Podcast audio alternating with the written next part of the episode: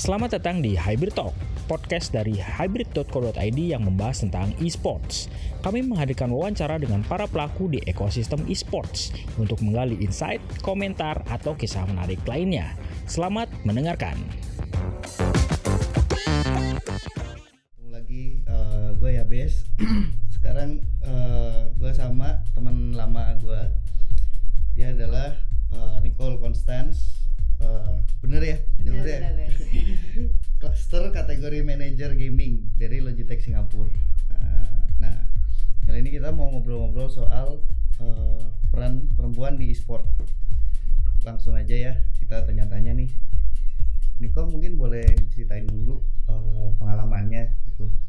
Uh, yang gue tahu kan lu dulu juga di Indonesia, eh Gaming gitu kan. Nah, terus bisa ceritanya sampai ke Logitech ini gimana? Boleh. Sebenarnya eh, dari dulu sebelum join di Anexa pun gue juga udah bekerja secara profesional Hmm. dan juga udah sempat gabung sama female gaming team lainnya. Hmm. Nah, terus waktu di Anexa gue kerja sebagai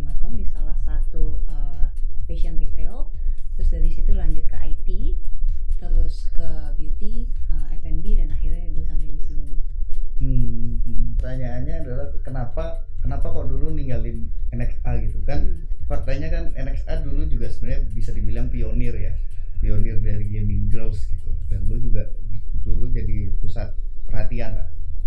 Kenapa kok lu malah ninggalin itu untuk memilih jadi orang belakang layar? Kayak dari awal ketertarikan gue di dunia eh, di industri gaming ini memang besar. Cuman eh, menjadi selebriti di dunia gaming ini bukan impian utama gue. Hmm. Gitu. Tujuan kita semua kan ingin memajukan dunia gaming. Mm-mm. Nah, eh, dan untuk memajukan dunia gaming itu kita nggak bisa berjalan dari satu sisi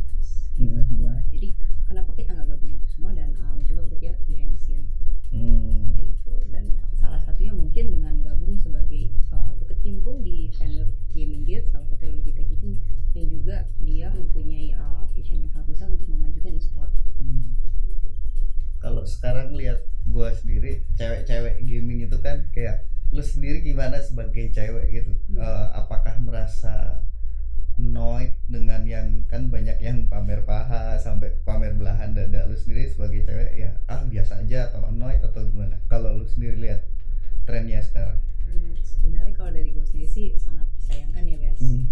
karena eh, tapi ya balik lagi gimana lagi eh, kayaknya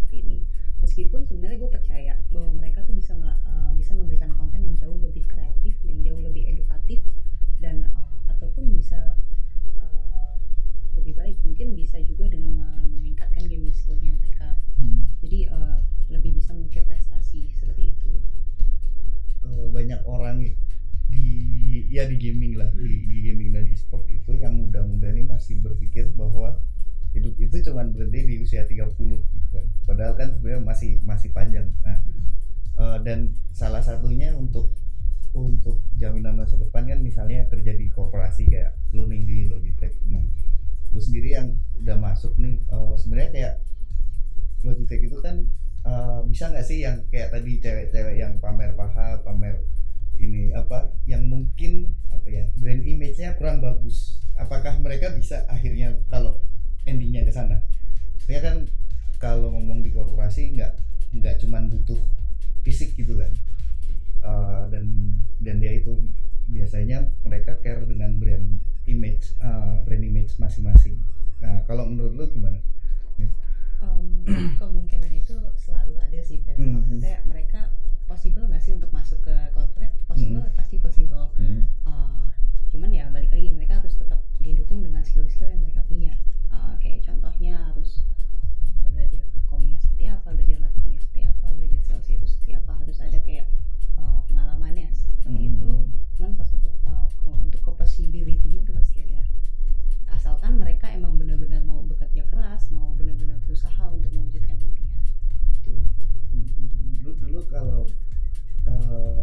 ketika mutusin untuk lepas NXA dan jadi markom itu kalau boleh berapa tahun yang lalu? Sekitar 2012an ya kayaknya. 2012 berarti 2011 tujuh tujuh tahun. Iya, tujuh tahun yang tujuh lalu. tahun yang lalu. Ketakutannya adalah ketika mereka mereka sadarnya telat gitu kan.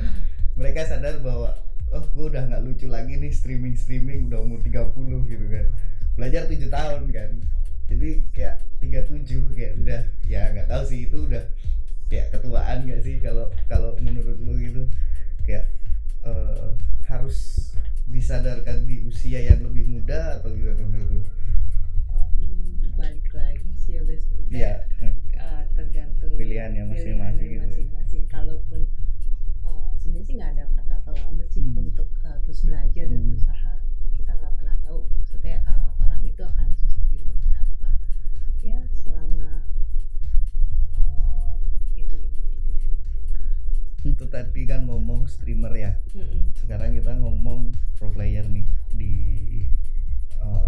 Sebagai pro player. Uh, menurut lo kenapa sih masih masih sedikit banget cewek yang terjun langsung jadi profesional gamer? Yang profesional gamer di sini maksudnya yang ikut kompetisi ya? Nggak cuma streaming ya tapi beneran ikut kompetisi. Menurut lo kenapa masih dikit banget? Kalau mungkin lebih ke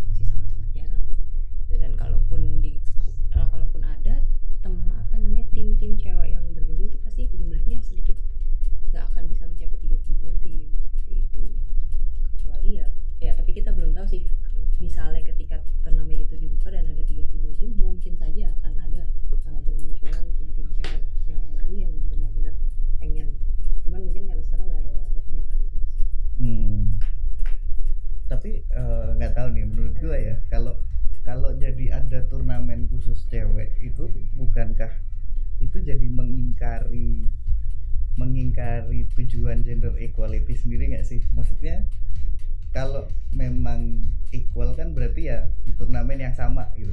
Kalau akhirnya dia ada di turnamen menang di turnamen cewek, tapi kan kayak tetap aja jadi Iya nggak sih, iya kan. Jadi mengingkari tujuan Hmm, gender equality itu sendiri.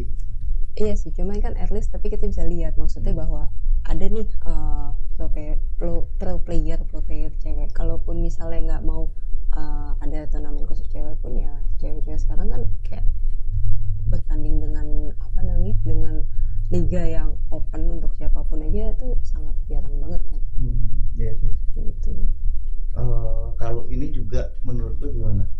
gue pernah ngobrol sama salah satu juga pemain cewek gitu. Dan rata-rata yang gue lihat adalah pemain cewek itu rata-rata masih side job sebagai sebagai gamernya itu masih side job. Jadi mereka ada eh, kerjaan utamanya itu. Eh, dan ketika gue tanya apakah mereka berani lepas yang kerjaan itu untuk full time di game, gaming, mereka nggak berani Hmm. karena mikirnya ya karirnya mau sampai kapan. Nah kalau menurut lu sendiri eh, apa gue juga mikir jangan-jangan mungkin kalau cowok lebih nekat gitu. Ya bodo amat abis 30 gue nggak gimana gimana tapi kalau mungkin cewek lebih mikirnya kayak besok gue mau eh, kerjanya sampai mana gitu. Eh, menurut lu gimana tuh kalau Iya, bisa jadi sih Bas dengan yang lu bilang tuh bisa jadi. Mungkin karena pola pikir cewek yang uh, jauh lebih takut Hmm. untuk mengambil keputusan dan lain-lain. Mungkin kalau kayak cowok yang lu bilang habis umur 30 uh, gue bisa melakukan something yang Hmm. berbeda kayak misalnya mungkin start bisnis sendiri Hmm. uh, yang lain atau apa. Ya kalau cewek juga mungkin pikirannya ya itu lebih panjang kayak uh, habis dari sini gue mau ngapain kalau gue mau uh, seperti ini ke depannya gimana seperti itu. kalau kita ngobrol bahkan di luar negeri sendiri kan kayak sepak bola wanita, Mm-mm. basket cewek kan juga ada sebenarnya di luar negeri itu. Cuman eh, kalau dibandingin sama yang umumnya kan kayak masih jadi side project nih, Mm-mm. bukan jadi main apa pusat eh, pusat perhatiannya bukan di situ. Nah itu kita ngomong di luar negeri yang yang mungkin jauh lebih matang gitu ya industrinya. Menurut lo kalau di Indonesia sendiri apakah sampai sejauh mana sih apakah akan kayak gini terus apa ya ya udah udah kayak nggak nggak bisa diperjuangkan lagi atau kayak gimana menurut lo berapa tahun ke depan gitu.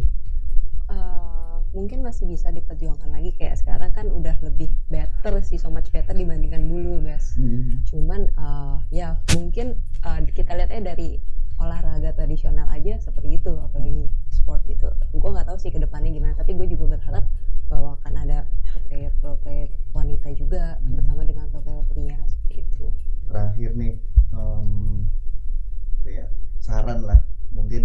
saran buat misalnya ya buat dua lah. Satu tuh buat yang mungkin sama kayak lu dulu yang cuman mau pakai apa ya selebriti ini tuh sebagai lompatan. Hmm. sama yang ya memang dia punya yang tadi lu bilang memang tujuannya memang jadi selebriti.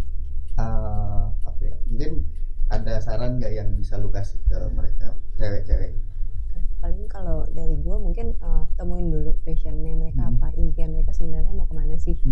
Kalau memang tujuannya ingin ke korporasi uh, belajarlah dari sekarang. Maksudnya uh, coba uh, ambil ilmu-ilmu yang lain. Karena kan banyak banget kayak misalnya komunikasi marketing uh, ataupun sales. Jangan jangan hanya berfokus di satu hal. Misalnya e-sport gue hanya mau nantinya mau ke e-sport. Mau berkecimpung di e-sport jangan fokus di e-sport dulu.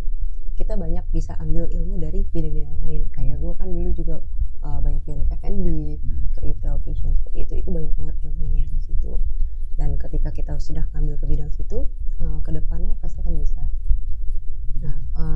kedua kalau yang memang fokusnya untuk uh, menjadi selebriti di dunia gaming maupun itu apa streamer ataupun yang lain-lain ya fokuslah ke hal situ uh, berikan yang terbaik uh, bagi teman-teman masyarakat. Uh, jadilah caster yang bisa memberikan edukatif itu dan uh, kita memang nggak tahu umurnya sampai kapan. Kerja pun kita juga nggak tahu. Pasti akan ada batasan Iya umur ya. nah yang pasti ya berikan hal yang terus uh, berikan hal yang positif yang edukatif yang dan intinya yang bermanfaat siap siap. Eh, oke. Eh, itu tadi